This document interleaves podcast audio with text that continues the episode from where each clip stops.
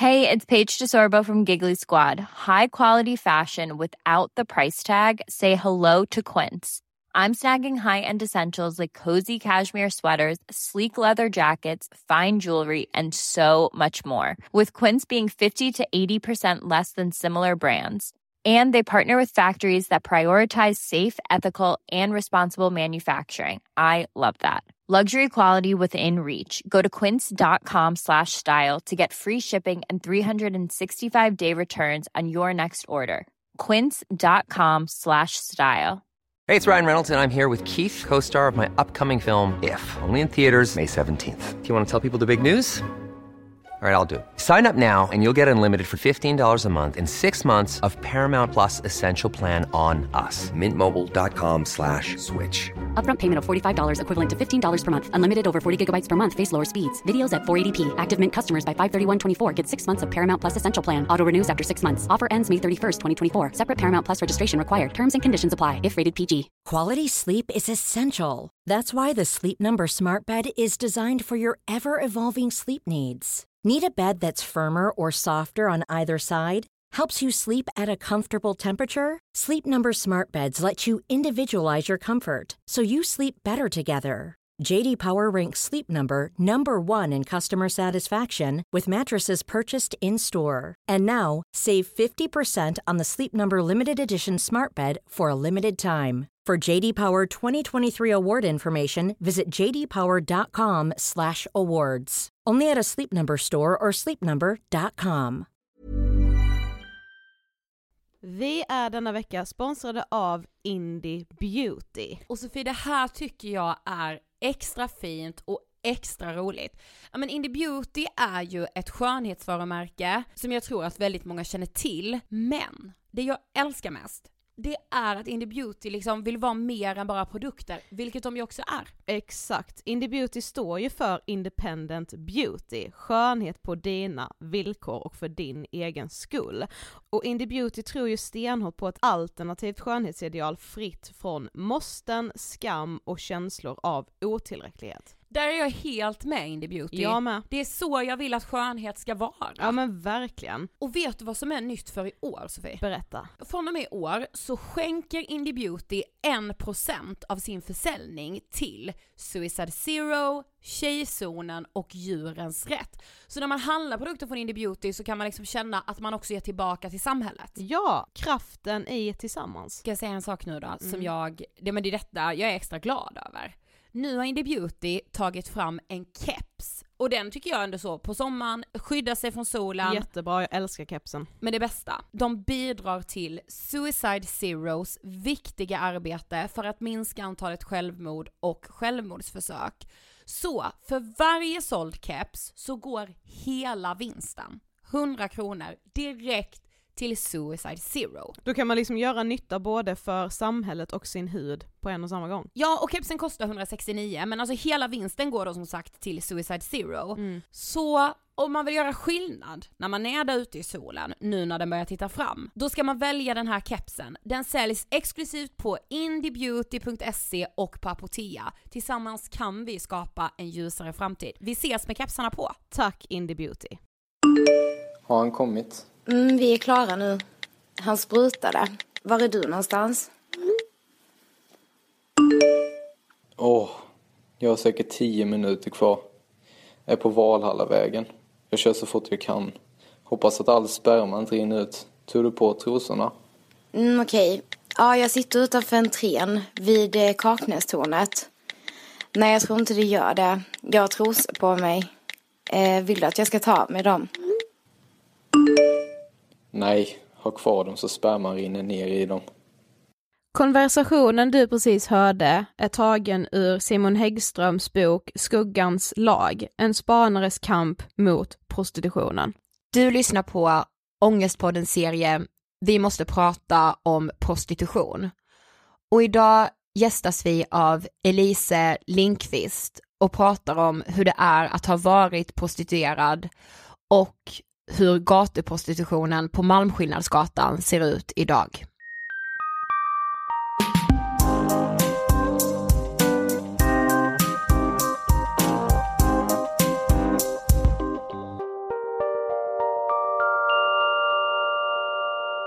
Hej allihopa och hjärtligt välkomna till avsnitt 105 av Ångest Ångestpodden! Alltså hej hörni och äntligen är vi tillbaka! Ja, alltså förra veckan var lite, alltså ett trauma light skulle jag Det, säga. nej nej vadå, det är bästa veckan i mitt liv. Nej jag skojar, men alltså det, jag var ju på en nivå så jag tänkte jag kastar in handduken. Mm. Nu, Det var, det var liksom, ni vet när tekniken strular så mycket och man, man känner bara att jag har ingen koll på någonting, jag vet inte vad som ska göras för att lösa det här problemet. Alltså det är så här, när folk bara, men ni kan inte göra något åt saken så bara ta det lugnt. Nej det går ju inte när man Nej. inte vet hur man ska liksom, om, jag vet ju inte om problemet är löst om en vecka. Hur ska men sen då kunna vara lugn? ju detta hela situationen. jag står och mumlar i natten någonting om att vi har kommit till vägs ände och liksom, Mm. eh, men vi är tillbaka, det är helt sinnessjukt Ja. men vi är det. Det vi gjorde förra veckan var att vi bytte plattform där vi laddade upp podden och det är lättare sagt än gjort för ni vet koder och feeder och liksom konstiga ord hit och dit och allt ska liksom skötas på engelska. Och man vill ju liksom ha kvar de gamla avsnitten. Precis. Det är rätt viktigt och sen vill vi ha kvar er som prenumeranter men alla har ju såklart inte följt med. Nej. Vi har fått en del mail om att ni helt plötsligt inte prenumererar på oss i podcastappen. Vi vet, men snälla gå in och gör det. Ja, alltså prenumerera på oss i podcasterappen och eh, få upp oss på topplistan igen på iTunes. Är vi inte med där alls? Jo, det är vi. Ja. jag, jag, ni vet jag kollar inte för jag blir bara stressad. Men prenumerera på oss igen. Ja, nog om det nu. Äntligen är vi igång med vår tredje poddserie. Alltså jag har varit så himla taggad på att släppa den här poddserien. Jag också. Alltså vi har ju liksom, vi började ju inspelningarna för några månader sedan faktiskt. Ja. Den här, alltså det är speciellt att göra de här serierna, så ska man ju säga först och främst. För det blir ett annat, så här, rent journalistiskt blir det ett annat arbete för oss och det tycker jag är jättekul. Mm.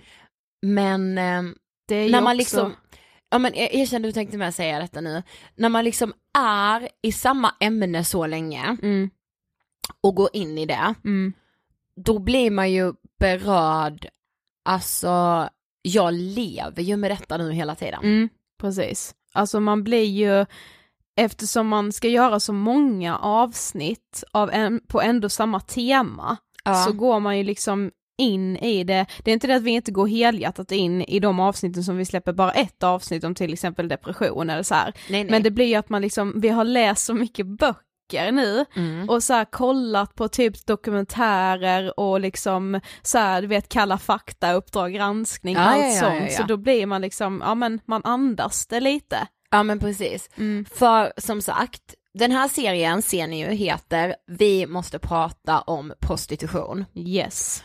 Och vi bestämde oss, när var det Sofie?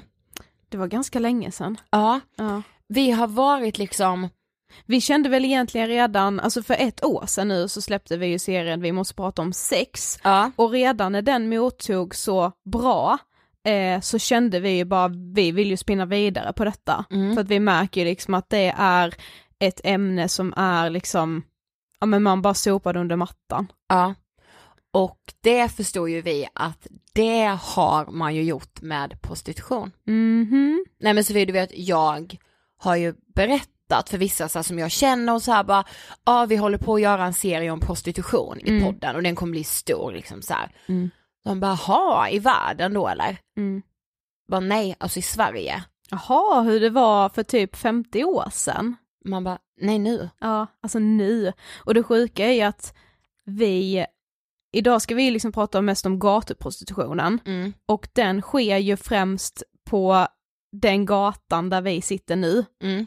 Och då, det blir så, det blir så surrealistiskt bara, jag kan liksom inte ta in det riktigt. Nej, för vi sitter och poddar nu på så här korsning Malmskillnadsgatan och eh, Mäster Samuelsgatan i Stockholm. Mm. Det, bor man inte i Stockholm så förstår vi att man inte vet vad, vad det är. Mm. Det är eh, ja, men två gator i centrala Stockholm. Alltså och mitt i stan. vi tänker att vi tror att även om man inte bor eller kommer från Stockholm så har man hört talas om Malmskillnadsgatan Mm. och på den gatan så går det prostituerade eller som man kanske säger i dagligt tal, horor. Exakt. Och eh, vi, eh, för det första så, kan, får man, så tycker man får inte säga horor. Nej. Det är så här, det kan, det är bara så, jag vet inte, ovärdigt att säga det. Mm, verkligen.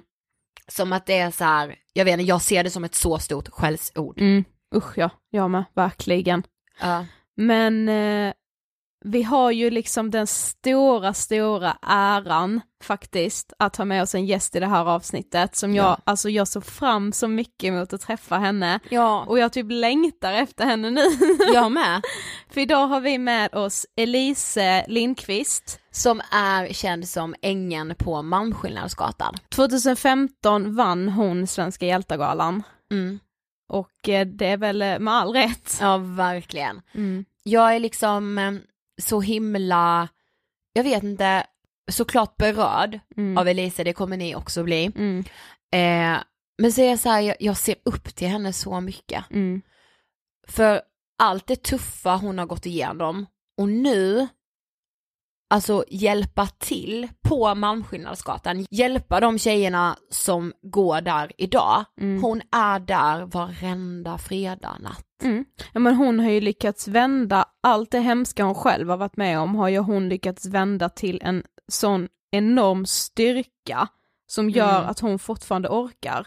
Hon är liksom över 80 år. Ja, Alltså det, ja. Ja ni kommer, jag tror att ni kommer bli li- minst lika berörda som vi blev när vi faktiskt var hemma hos Elise ju ja det var vi. och träffade henne och poddade det här avsnittet. Men alltså jag vill bara sätta igång för jag vill bara att ni ska få ta del av det här nu. Mm, jag För det här är så här med problem man inte kan blunda för i samhället. Det här är jätte, jättestort. Mm. Det är så utbrett, i vilken liten stad du än bor i så finns det en efterfrågan på sex. Mm. Det finns, eh, det kan vi ju se redan nu att eh, vi var liksom så här, vi bara okej men vi går in med den här inställningen när vi ska göra den här poddserien. Mm. Hur många kvinnor köper sex, hur många män köper sex och det har visat sig att det är bara män som köper sex. Det är otroligt få tillfällen när det har varit en kvinna som har köpt sex. Så eh, om ni tycker så att vi generaliserar eller att vi kommer prata igenom den här serien om männen som köper sex, då är det för att de vi träffar, det är den erfarenheten de har. Det är män som köper sex. Mm. För vi gick in med inställningen om att det liksom inte var 50-50 men jag trodde faktiskt att det inte var så stor skillnad mellan män och kvinnor när Nej. det kom till att köpa sex. Men eh, nu tycker jag vi ska lyssna på Elise. Yes, vi säger väl ändå som vi brukar göra. Nu rullar vi intervjun med Elise Lindqvist. Varsågoda! Hej Elise och välkommen till Ångestpodden. Hej på dig du. Och vi får väl säga tack för att vi har fått komma hem till dig. Ja, jag tyckte det var så bekvämt att få hit två vackra flickor. Det kunde jag aldrig drömma om. Men ni är välkomna hem till mig. Ja, tack. Vi börjar som vi brukar göra i Ångestpodden. Vem är Elise? Elise är en eh, åt, snart 81-årig tjej, eller kvinna. Och eh, jag är ett, en, jag är en tjej som egentligen bara är 22 år. För det var då det nya livet började för mig. Så det gamla livet det försöker jag då bara lägga ner, som vi kallar det för, glömskans hav. Vad härligt att du säger det för jag, jag har tänkt på det nu när vi suttit och pratat innan inspelningen. Att du känns så himla ung. Ja. Alltså det känns som att vi är jämngamla, att du förstår allt liksom så här, som att du lever i det nu. Ja, tack så mycket. Jag känner mig som en sådan också. Väldigt sprallig. Jag älskar att dansa och jag älskar att skoja. Och det är, livet är så roligt. Ja, vad härligt. Eh, det finns en fråga som vi ställer till alla våra gäster i Ångestpodden. Eh, och det är, vad tänker du på när du hör ordet ångest? Ångest för mig det är när jag nästan inte kan andas. Att det gör så smärtsamt, det gör så ont i hjärtat och i kroppen överhuvudtaget. Jag får en fruktansvärd ångest, det har jag inte haft nu på många år, men förut så kunde jag ha väldig ångest över någonting, det jag gör eller har gjort. Och ibland kan det komma över mig, men inte på samma, samma eh, kraft inte.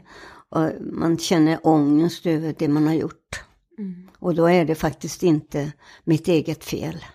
Eh, men vi ska ju prata om prostitution idag och främst ditt fina arbete som du gör på Malmskillnadsgatan. Men vi tänkte ändå att vi måste börja lite från början, så kan du berätta lite om din eh, uppväxt? Ja, det gör jag gärna. Och som femåring blev jag för första gången utsatt för sex, sexuella övergrepp. Det fortsatte och det var inte min pappa utan det fanns ju andra farbröder i närheten. Så det började det och jag fick också väldigt tidigt lära mig att sex, det gör man med barn och med djur. Att som ett litet barn få vara med om det och se det också, se hur farbröder använder djur och farbröder som använder mig som sexobjekt. Och, och jag fick också finna mig i det. Jag, för första gången när jag får vara med om det då skriker och gråter jag väldigt mycket och då får jag så otroligt mycket stryk. Och då när jag skriker och gråter så det gör ju ont såklart, både när han har sex med mig och just att han slår mig och misshandlar mig så mycket. Mm. Då lärde jag mig redan här som femåring, fem, sex, sjuåring, börja lära mig hur jag ska hantera den smärtan. Och då började jag som vi idag kallar för självskadebeteende. Då började jag skada mig själv. Jag gjorde illa min kropp och jag biter mig och klöser mig och gör allt sånt. Och det kan jag göra då medan man förgriper sig på mig. Och då säger jag så här att den smärtan som jag gjorde med mig själv, då gör det andra inte lika ont. Mm. Och sen så lärde jag mig någonting annat också som jag får höra idag med unga flickor. Jag, flö, jag slöt in mig själv. Mm. Jag var som i en helt annan värld. Jag bara försvann. Just när jag visste att nu kommer det här, då, då bara stängde jag av allt vad känslor heter. Och jag lät det bara få fortsätta. För skrika och gråta, det kunde jag ju inte. Och redan som sjuåring så får jag veta hos en familj som jag blir bjuden, ska äta mat där. Och familjen där, farbrorn i familjen, använder mig till sex efteråt. Och sen sitter tanten och tittar på medan han gör sex med mig. Och jag förstår inte vad hon håller på att syssla för hon gnuggar med sina händer på bröstet och höll på med någonting där nere i magen. Och jag är sju år, förstår inte någonting av vad det är hon håller på med. Och så nickar hon och ser så väldigt glad ut. Men jag var inte glad. Det allting gjorde så ont. Och sen när det var färdigt så säger tanten till mig så här. Om du berättar, vad vi, för, berättar för någon enda människa vad vi gör med dig, då ska jag döda dig. Och när jag får veta det som sjuåring och får även i samma ögonblick en godispåse. Sen vågade jag inte berätta för min lilla pappa heller. Jag höll allting och jag skämdes. Jag bar all skuld och skam på mig själv därför att jag var inte värd något annat. Jag var ju ful, jag var ju efterbliven. Magistern kallade mig för efterbliven och jag fick ofta höra att jag är ful. För så många gånger redan där i, i, innan jag började skolan också till och med, så började jag bli inlåst i en svart en garderob. Var det av din mamma då eller? Ja, mm. och, och jag, jag förstod inte var, varför jag blev inlåst. Men jag tänkte, jag kanske blir lite sötare. Men det blev jag ju mm. inte. Jag trodde att jag skulle bli finare. Och det var en sån där barndom som jag inte önskar att något barn ska behöva vara med om. Men tyvärr så hör jag det än idag. Mm. Och då är det många, många år sedan jag fick uppleva det här. Men hur länge pågick de här övergreppen? Alltså var det under flera år? Ja, det var många år. Ända tills jag äh, egentligen flyr hemmet. Då är jag 14 år. Och sedan så kommer jag då till ett, ett, ett café. Mm. Det är en lång väg även där när jag flyr hemmet och kommer till det kaféet. Men här då får jag för första gången känna lite värme. Och eh, de använder inte mig till sex. Utan jag får lära mig att koka kaffe och servera. Och sen som 16-åring möter jag en kvinna och det är precis så som man gör idag. Mm. Det här får jag uppleva, det här får jag veta. Det kommer en kvinna som möter mig och talar om att jag är söt. Jag är 16 år och får första gången höra att jag är söt. Jag blev alltså kär i henne. Och så sker idag. Vi kallar det för hallick idag. Men hon var ju, som inte jag förstod, bordellmamma. Och jag flyttade hem till henne och hon visade mig sedan, köper kläder, hon är väldigt, väldigt snäll mot mig. Och visar mig alla tricks och visar mig hur jag ska gå. Och hon visade mig också hur jag skulle göra med händer. Det var lite konstigt för mig. Det var det, att det var så viktigt. Hur jag för mina händer på kroppen. Det var någonstans bara en baktanke i det här. Och som 16-åring så säljer hon mig till män. Så att jag har varit prostituerad i flera år. Hon och jag jobbade ihop. Det som var konstigt i det här, det var jag fick betalt. Förut som femåring och framåt ända till jag är 16 år så får jag ju ingen, jag får ju ingenting. Nej. För att jag var tjänstvillig, om man nu ska kalla det. Jag gjorde ju det därför att jag var så piskad till att finna mig vad, vad män gjorde med mig. Och det fanns faktiskt också kvinnor, gamla tanter eller kvinnor, medelålders kvinnor. Som när jag fick mat där så använde de och förstörde mig i underlivet. Men jag tänker liksom, alltså, visste alla vuxna om i din omgivning vad du liksom var med om? Så de kände liksom att det var okej att de också förgrep sig på det. Visste din mamma om till exempel vad, vad den här familjen gjorde där du hade varit och ätit middag och sen förgrep sig mannen på dig medan kvinnan tittade på? Eller vad var, vad var hon i allt detta? Jag eh, vet ingenting om det. Därför att jag är så sargad. Jag vågar inte göra någonting som, som eh, gjorde att jag skulle göra fel. Jag vågar inte berätta. Och om de har sett någonting så är jag alldeles för liten. Jag är fem, sex och sju år. Hur ska man som barn kunna förstå? Jag trodde, för jag fick veta att så här gör man med barn och med djur.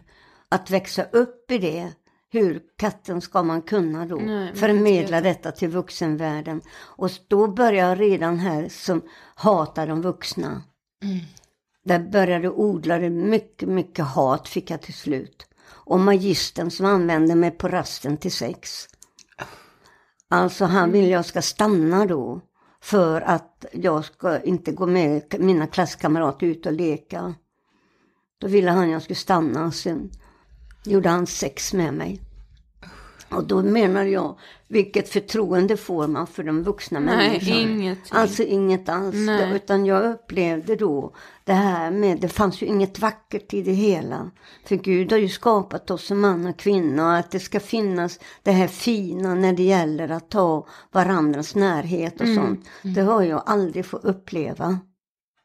Utan det har bara varit då när jag till, när jag till slut så, så han fick lämna det här livet. Att tro att världen är god och att samlivet, det var det jag ville säga. Samlivet mellan man och kvinna ska vara någonting vackert. Och det är vackert när det är på ett bra sätt. Men för mig så var det bara att det luktar äckligt. Det luktar sperma som inte jag visste hette sperma då. Men det luktar någonting otäckt. Ja. Och de skulle vara i munnen och de skulle vara både båda ställena fram och bak. Och, och vad får man, jag, hade ju, jag stängde ju in mig själv. För att då, jag visste ingenting annat och det var ingen, kanske någon som såg eller förstod, men ingen gjorde något. Inte förrän jag kommer då som 59-åring till det här behandlingsstället. Ja, shit. Ja, vi ska komma lite till det senare. Men jag, jag tänkte på också, då när du är 14 och bestämmer dig för att, alltså rymmer du hemifrån då? Ja, Ja. det gör jag. Och, och hur går det till? Ja, det var ju min mamma hade ju skilt sig då ifrån min pappa och det hände något fruktansvärt då när pappa dör och jag förlorar ju det, mitt sista hopp, det var ju pappa. Och mamma gifter om sig och han var alltså alkoholist. Och här får jag som eh, i familjen se hur alkoholen förstör en människa. Han åt svartskokräm på smörgås. Han drack T-sprit. Han sniffade. Han brände brännvin. Och han sålde hembränt. Och han drack. Och han fick hallucinationer. Och han flera gånger, och jag har skrivit i min bok, så har man skrivit att Jag fly, jag, han skulle skjuta mig vid ett tillfälle och strypa mig vid ett annat tillfälle. tillfälle. Så därför så när jag då rymmer, då är jag så trött. Jag, jag, tycker faktiskt att jag till och med är tuff, att jag vågar lämna hemmet, vågar lämna ändå. Jag hade ingen aning var jag skulle ta vägen. Nej. Och du var 14 ingenting. år då? Ja, ja, visste ingenting. Bor långt uppe i en by, by skog, långt, långt, långt bort från. Det fanns inga alko vad heter sjukhus och sånt där då. Mm. Ingenting. Men här får jag då äntligen komma till det här kaféet. Mm. Och jag var så trött. Jag var så trött på min styrpappa. Och se, och jag fick vara så trött också hjälpa min mamma att tvätta blod ifrån min styrpappa. För då hade han varit på knivslagsmål. Mm. Och då skulle jag hjälpa mamma att göra rent honom och plåstra om. Det var inte bara att sätta sig i en bil och åka till akuten. Nej. Här fick man sköta det själv. Mm. Där var jag, tycker jag, att jag var riktigt duktig, att jag vågade lämna. Verkligen. Det fick ju hända vad som helst, men det här kunde jag ju aldrig drömma om. Nej. Att jag skulle hamna på ett. Nej. Så du började jobba där och... Ja. ja. Ja, de tog emot mig precis som att jag var vilsen. Jag har ingen minne av det. Men hon var ju jättesnäll den familjen. Mm. Och de måste ju ha förstått. Mm. För vad, det första hon gör när jag kommer, så vi hälsar på varandra och sen tar hon och klär av mig naken. Och mina, kan ni tänka hur sjuk jag är nu då? 14 år. Hon klär av mig naken. Och när jag står där naken med denna kvinna mina första tankar där, jaså, ja, det ska vara så här också. Oh. Är ni med nu? Oh. Jag trodde ju att tanten i familjen här skulle ta mig till sängen. Nu mm. var jag för avklädd. Men hon tar mig till badrummet och badar mig. Mm. Alltså den känslan av att bli omhändertagen jag njöt vet ni så det och hon var så försiktig, hon var så öm. Hon rev inte i ordentligt. Min mamma hade en, en skurborste där hon skulle skura bort skiten ifrån ungen. Mm. Och håret, hon var så försiktig. Så jag ville aldrig det skulle ta slut det här. Mm. Jag njöt, jag njöt. Mm. Och här började det. Här fick jag jättefina flickkläder. Mm. Du måste ha blivit lättad också på något sätt. Ja, det jag. var, ja. Det måste jag ha blivit, fast mm. jag har svaga minnen. Mm. Och det är någon psykolog också som har sagt att när det blir så här mycket otäckt och det är inte ta inte fram det för att det är ett sätt för hjärnan att uh, klara av det. Mm. Men hur kom du sen i kontakt med den här kvinnan då som liksom började bekräfta dig, hon som sen skulle visa sig vara, bli din bordellmamma. Hur kom ni i kontakt med varandra? Jo, det var ju så att jag är ute och går och promenerar och jag, hon har ju sett mig. Och det är så det sker idag, 2016. Alltså halliken, den går runt som ett rytande lejon ibland säger jag. Och letar efter offer. Hon har sett mig, men jag har inte sett henne. Mm. Och hon kommer bort till mig och bara säger Hej, åh vad du är söt. Vad söt du är. Det är hennes första ord. Mm. Men eh, är det, jag kan tänka mig att man kanske går på, alltså att offret är någon som redan har varit utsatt för något som gör att offret är lite skör och som blir väldigt lättbekräftad. Alltså är lite blåögd kanske som du säger, som du känner att du, du blev liksom typ som kär i henne för att ja. hon gav dig så mycket bekräftelse. Ja. Och att det är så idag med. Idag fungerar det på samma sätt. Alltså man fångar ju upp då unga vilsna för de är lättast offer mm, då. Precis. Jag var ju ett offer därför att jag var så behandlat så illa mm. redan vid femårsåldern. Någon, någon har sagt till mig att det börjar tydligen redan vid blöjåldern. Men det, jag säger fem år. Mm. Men jag har fått liksom mer och mer bekräftelse på att det har tydligen redan innan fem år. Mm. Och när man växer upp i sånt och, och, och, man förstår, jag förstod ju inte men ändå så måste de ha sett vuxna människor som har sett mig. När vi speciellt, jag ser ett bord framför mig nu där vi sitter många och äter så tar mannen i familjen där mig i handen och leder mig bort till hans sängkammare. Ja. Och folk sitter och tittar på. Alltså. Mm. Och då menar jag, vad, då får man inget förtroende för vuxenvärlden. Nej, verkligen inte. Nej. Inte. Den, den är grym. Och då blev det ju också så, för jag fick inget förtroende för kvinn, för tanterna. De använde mig också och letade mask i underlivet på mig och höll på. Alltså det var så äckligt allting. Ja. Och hur ska man tycka att världen är fin? Nej, det In- går ju inte. Nej, nej det går inte. Men jag tänker på eh, den här bordellmamman. Blev hon liksom som en förebild för dig? Eller någon som du började se upp till? Ja, det gör det. Hon var ju vacker. Jag var ju ful. Och hon var det vackraste. Jag hade sett något så vackert. Hon var målad och mycket smycken, precis som de här eh, hallikarna. De är väldigt verbala, väldigt fina. Och det var hon. Och jag tänkte, tänk att hon som är så vacker bryr sig om mig som är så ful.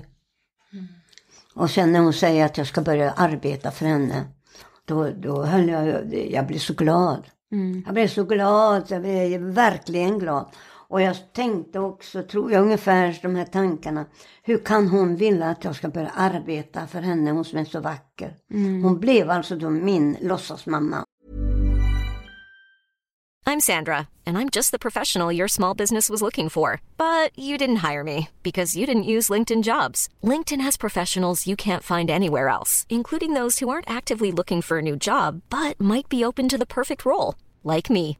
In a given month, over 70% of LinkedIn users don't visit other leading job sites. So if you're not looking on LinkedIn, you'll miss out on great candidates like Sandra. Start hiring professionals like a professional. Post your free job on linkedin.com/people today.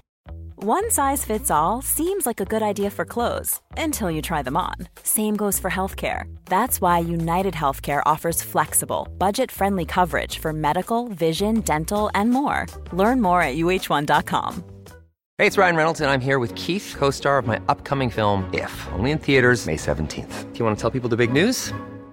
All right, I'll do. it. Sign up now and you'll get unlimited for $15 a month and six months of Paramount Plus Essential Plan on us. Mintmobile.com slash switch. Upfront payment of $45 equivalent to $15 per month. Unlimited over 40 gigabytes per month. Face lower speeds. Videos at 480p. Active Mint customers by 531.24 get six months of Paramount Plus Essential Plan. Auto renews after six months. Offer ends May 31st, 2024. Separate Paramount Plus registration required. Terms and conditions apply if rated PG. Och när hon då säger till mig så här, nu vill jag att nu är det dags för dig att börja arbeta för mig, säger hon. Och jag blev väldigt glad. Jag gör allt för dig, säger jag. Säg vad jag ska göra, jag kommer att göra allt det du vill jag ska göra. Och då hade jag fått den här undervisningen, hur jag gör med min kropp. Under tiden innan och då till slut då säger de till mig, jag ska sälja dig till män. Då först började det gå ner i huvudet på mig. Att hon vill inte ha mig som sitt barn eller sin dotter. Utan hon ville använda mig. Och jag var ju så glad för nu hade jag någon som brydde sig om mig. Hon pysslade om mig och såg till att jag fick vackra kläder, att jag var ren och snygg. Så tänkte jag ju inte förut.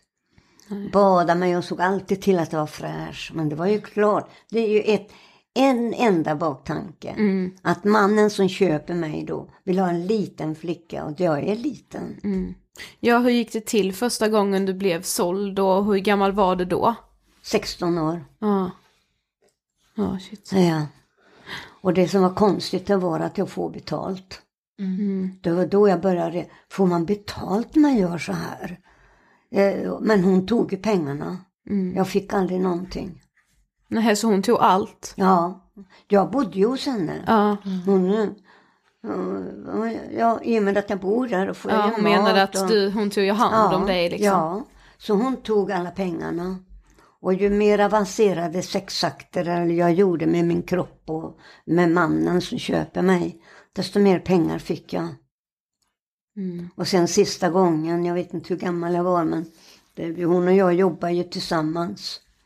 Så när en man ville ha två kvinnor, vilket inte är ovanligt, jag är inte ensam om det här ska ni veta. Nej. Det här som jag pratar om nu, det förekommer även idag. Mm. Hon och jag jobbar ihop. Och när man ville ha en, oss två kvinnor samtidigt, då har hon och jag sex med varandra. Mannen sitter och tittar på. Och medan han då sitter och tittar på så kommer han och kryper på oss två. Och det här fann jag mig i bara. Jag fann mig i allt. Mm. Så sista gången, då är jag ensam med mannen i bilen. Och då gjorde jag som jag hade blivit lärd hur jag skulle göra. Då tar han fram kniven och så sätter han kniven här i sidan, på min vänstra sida och börjar skära. För att mannen, och det har jag hört också idag, vill se blod samtidigt som man har sex. Och här är det precis som någon lyfter upp den här tunga mannen ifrån min kropp. Jag var ensam med honom. Men det var ju änglar, det var ju bara ett skydd. Kniven ramlade i kroppen på mig. Ner på baksätet, på golvet i bilen. Och jag är ut. Och sen kommer jag till min, min låtsasmamma. Och så säger jag, jag är jätterädd. Mannen har satt kniven i mig och vill skära. Ja men det var väl inget märkvärdigt. Nej men det får ju finna mig. Jag är ju bara en jävla hora ungefär. Ja.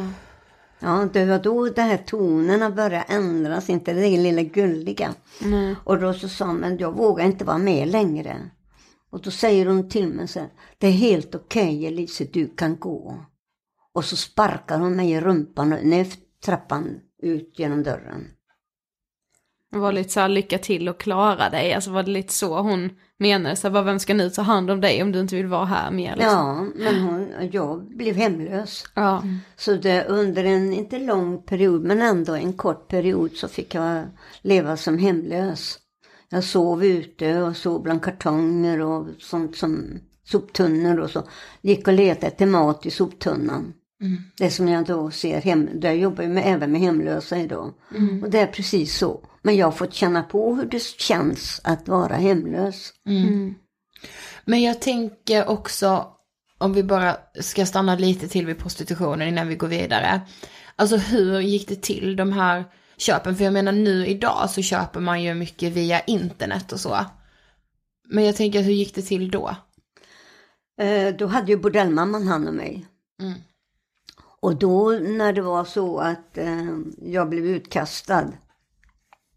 Då gjorde jag ju det själv då, för jag visste ju inget annat. Och då gick jag liksom på vägen, eller ungefär som flickorna idag. Mm. Man går på gatan, den, om man är i Göteborg, Malmö, var man nu är, så finns det prostitution över stora delar av vårt land här i Mm. Sverige.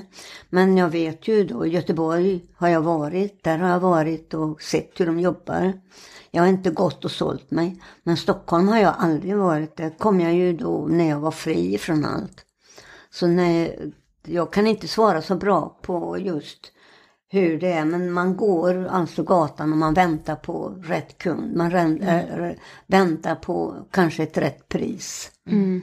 Så man eh, hoppar ju inte bara in i en bil och sådär och sen drar man. Man, Nej. man är nog mer försiktig tror jag. Mm. Men eh, jag var nog inte heller försiktig utan jag lät mig, jag lät mig behandlas illa. Mm. Men vad hände sen då? Så du, du sa upp dig kan vi säga. Du Ja. sa till din modellmamma att nu vill jag inte mer och så stack du därifrån liksom.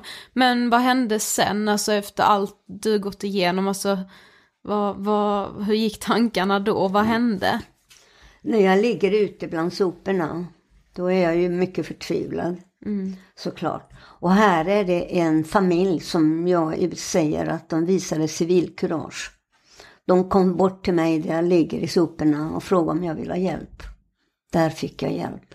De tar mig hem till sitt hus, jag får ett rum där, de, där jag sen fick bo. Och de hjälper mig också till en, eh, en arbetsplats, en syfabrik. Och de hade, jag kommer inte ihåg allt i detaljer, men här får jag lära mig i alla fall att sy. Så här blir mitt första arbete. Och jag får min första månadslön i, ett, i ett kuvert.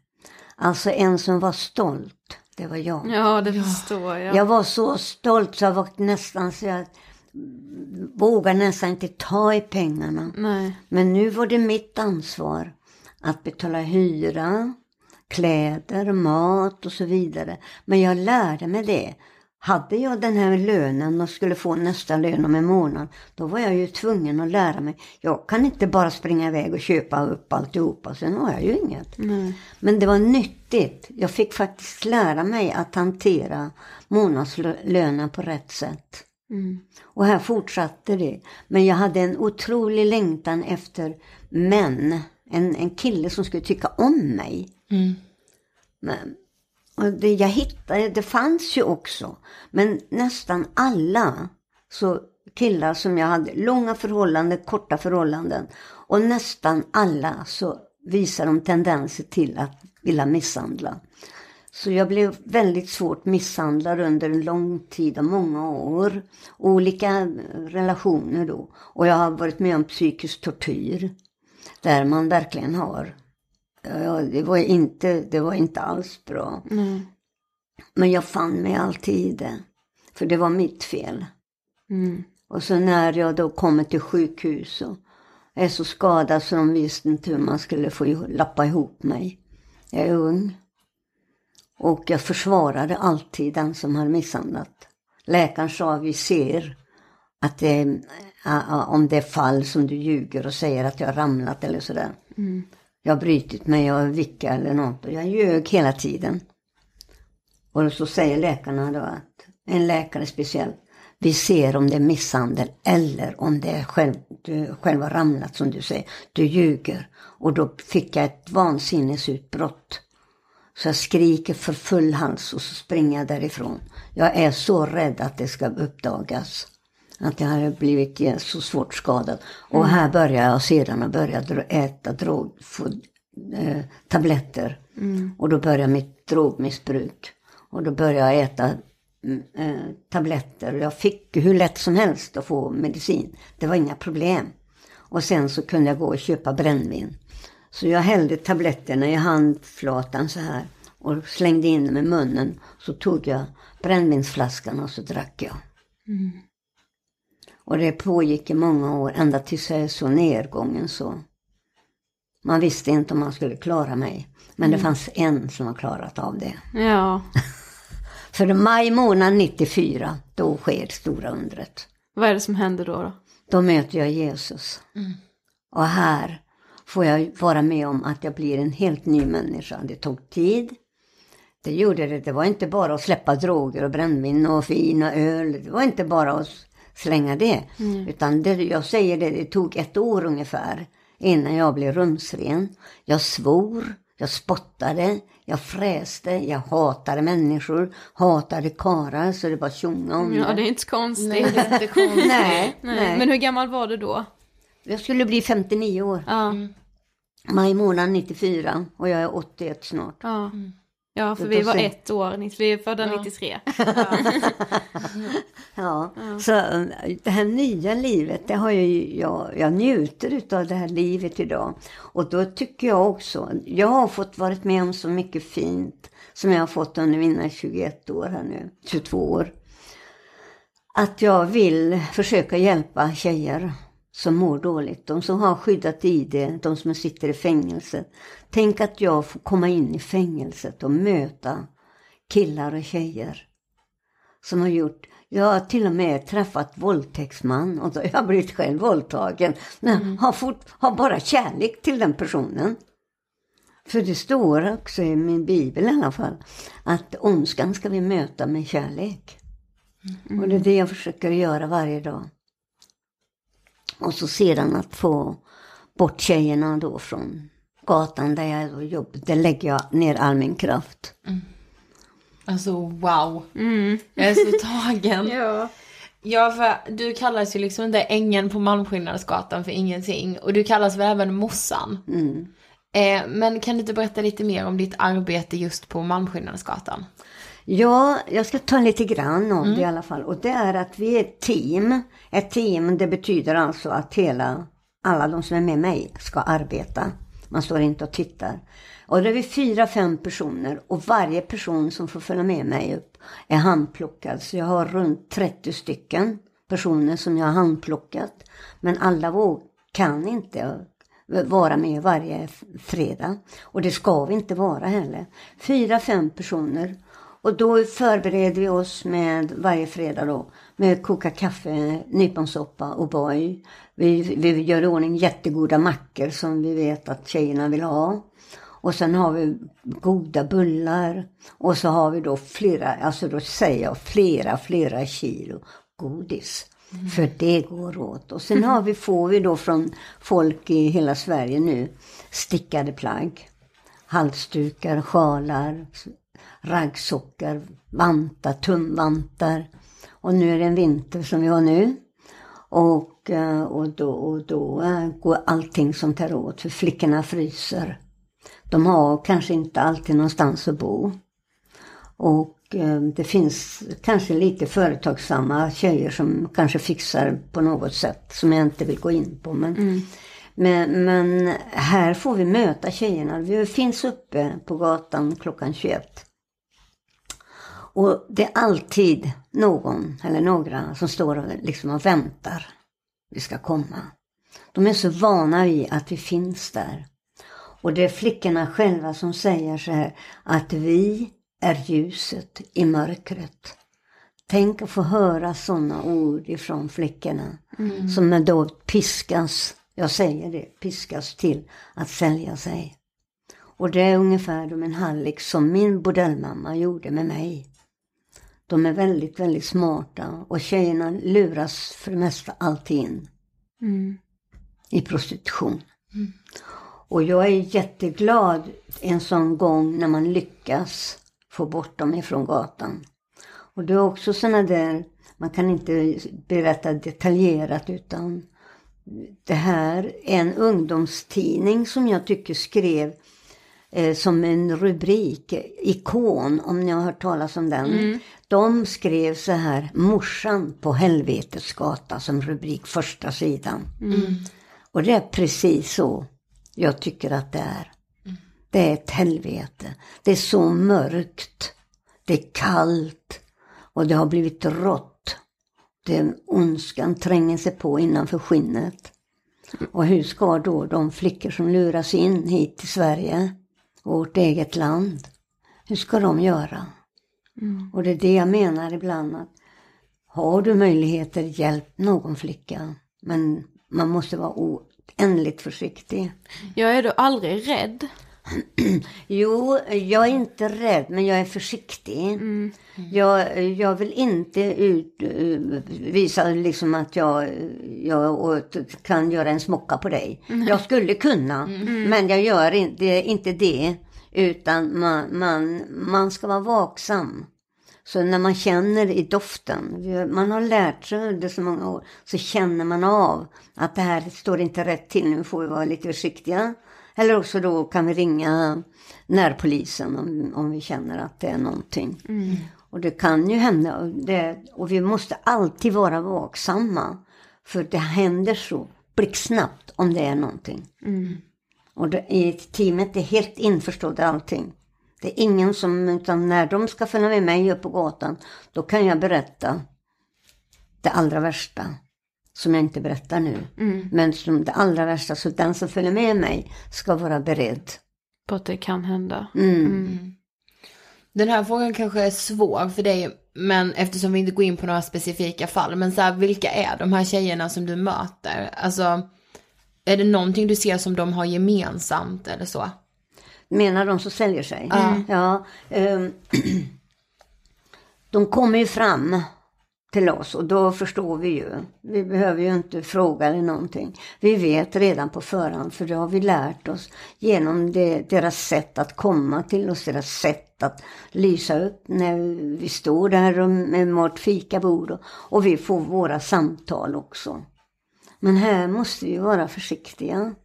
Vi ska inte förstöra deras, som de säger, arbetsplats.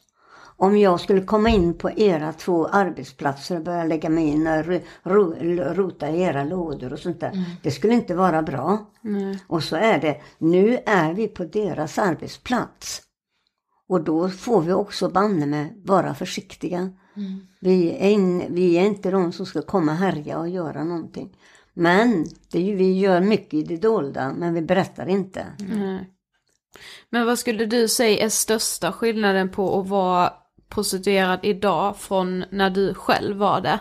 För att som du sa, du kunde ju ändå avsluta när du ville. Men är det så enkelt idag? Nej, det svarar rakt av nej.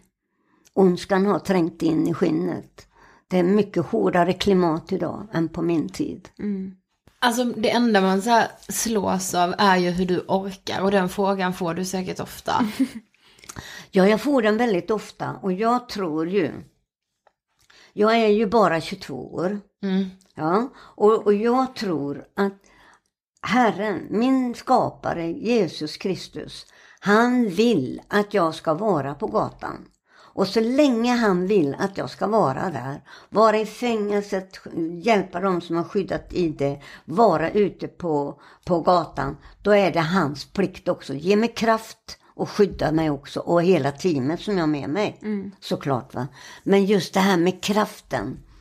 Att eh, visst blir jag trött, det ska man ju inte neka till. Men jag är så lyckligt lottad att jag har ett hem.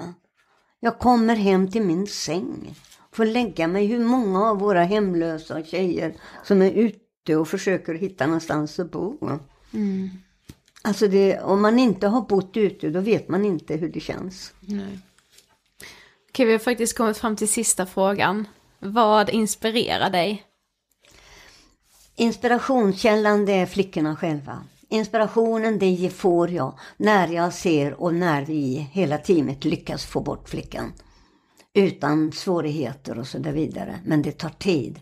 Och jag är så lycklig för jag får så mycket kärlek där uppe. Som jag då har saknat under hela min barndomstid och vuxentiden och där. Så, så det inspirerar mig. Ja, du är så himla inspirerande. Ja, det är du verkligen. Tack så mycket. Ja, Tack, snälla för att du kom till Ångestpodden. Tack så mycket. Det ska bli jättekul att få höra på det här. Ja.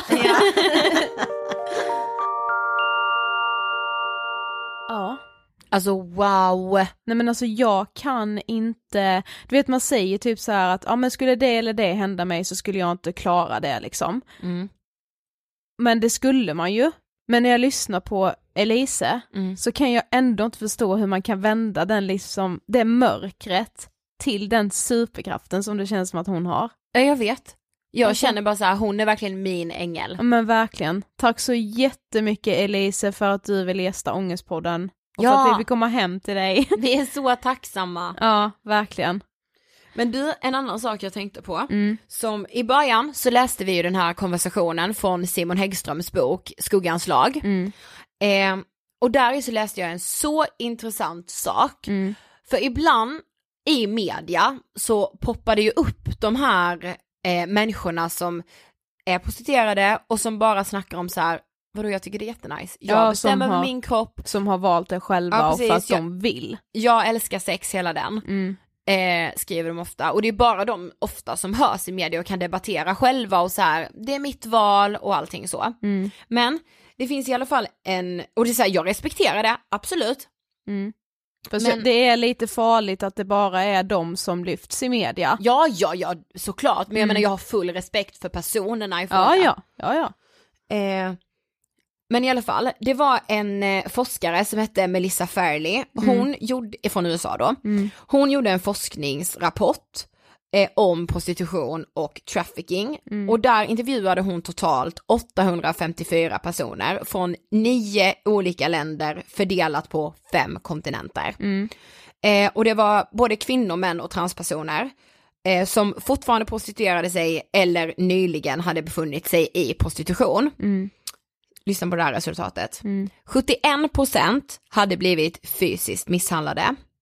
63% hade blivit våldtagna. 75% hade någon gång under sin livstid varit hemlös. 68% uppfyllde kriterierna för posttraumatiskt stresssyndrom. Och hela 89% ville sluta med prostitution men ansåg sig inte ha något annat val för att överleva. Nej. Det ska man ju komma ihåg när man läser den här klitschiga lilla krönikan om att så här, det är min kropp, jag väljer att sälja sex. Det är så få som Mm, gör det, så precis. att de blir så här representerade i media. Mm. Det, blir, det visar ingen rättvis bild, därför vill vi göra serien på det här sättet. Precis, för det är ju så att de flesta av de som eh, är i prostitution nu, det är ju liksom en människohandel, alltså du har ju liksom en, oftast en hallick över dig, precis som Elise också berättar om i avsnittet, och man är ju liksom rädd för den här hallicken. Ja, Man och- ägs ju av någon annan. precis. Så det är därför de inte lyfts upp i media. Nej men exakt. Mm. Och liksom eh, de här kvinnorna som det till 95% ungefär, Mm. om jag förstod, har förstått allt rätt, Mm. kvinnorna som säljs, de är ju en vara. Mm. Alltså det är som att du går in på nelly.com. Mm. Ja men nästan istället- ännu värre, det är typ price runner. Ja. För du vet man ser liksom vad man får, vad man får mest för pengarna liksom. Ja. Mm, det är vidrigt. Och eh, det vill vi med säga om den här serien, alltså ni kanske kommer tycka att vi generaliserar, för vi kommer säga männen som köper sex. Mm. Men det är för att alla vi har träffat för intervjuer, allting vi har läst, allting, så uppkommer det inte en enda kvinna Nej. eh, Och de vi har, som har köpt alltså. precis. Så därför är det rätt så lätt att man säger Mm. att männen som köper Mm. kvinnorna. Mm. För det, eller ja, även Det är ju en väldigt, pojkar och eh, mm, det är ju en stark majoritet män som köper Ja. sex. Precis, så ni kommer få stå ut med att vi säger männen som köper sex. Ja, vi blir, det kommer ni märka under, under tidens gång här att vi har nog aldrig varit så förbannade i podden som Nej. vi är under de här avsnitten. Men hallå kan inte ni nu bara så här säga vad ni tyckte om första avsnittet i den här serien? Ja, kommentera på Instagram eller mejla oss på angespodden at ingetfilter.se. Och glöm inte att eh, prenumerera i podcastappen för då blir vi så glada Mm. och eh, glöm inte följa oss på Instagram där vi heter Angestpodden. Exakt. Det känns jätteskönt faktiskt att vara igång med vår tredje poddserie. Alltså jag är liksom så här helt glad, även om det här ämnet är tungt och allting, så Mm. är jag verkligen så upprymd typ, Mm. för att jag verkligen har velat dela med mig av det här så länge. Mm, men det blir typ så när man jobbar med någonting så extremt mycket, du vet nu har vi läst så mycket böcker och kollat eh, massa dokumentärer och allt så här. Det är så skönt att äntligen få dela med sig Ja. av allt man har liksom sugit in själv. Ja men jag vet, och nästa vecka så kommer vi ju liksom, jag vet inte, om vi kommer liksom djupare in Mm. eh, på, i själva prostitutionen Mm. på något sätt. Mm. Vi pratar ju då med någon som ser det här typ dagligen. Precis. Mm. Stay tuned. Vi hörs nästa vecka, tack för att ni har lyssnat. Ni är bäst. Hej då! Hej då!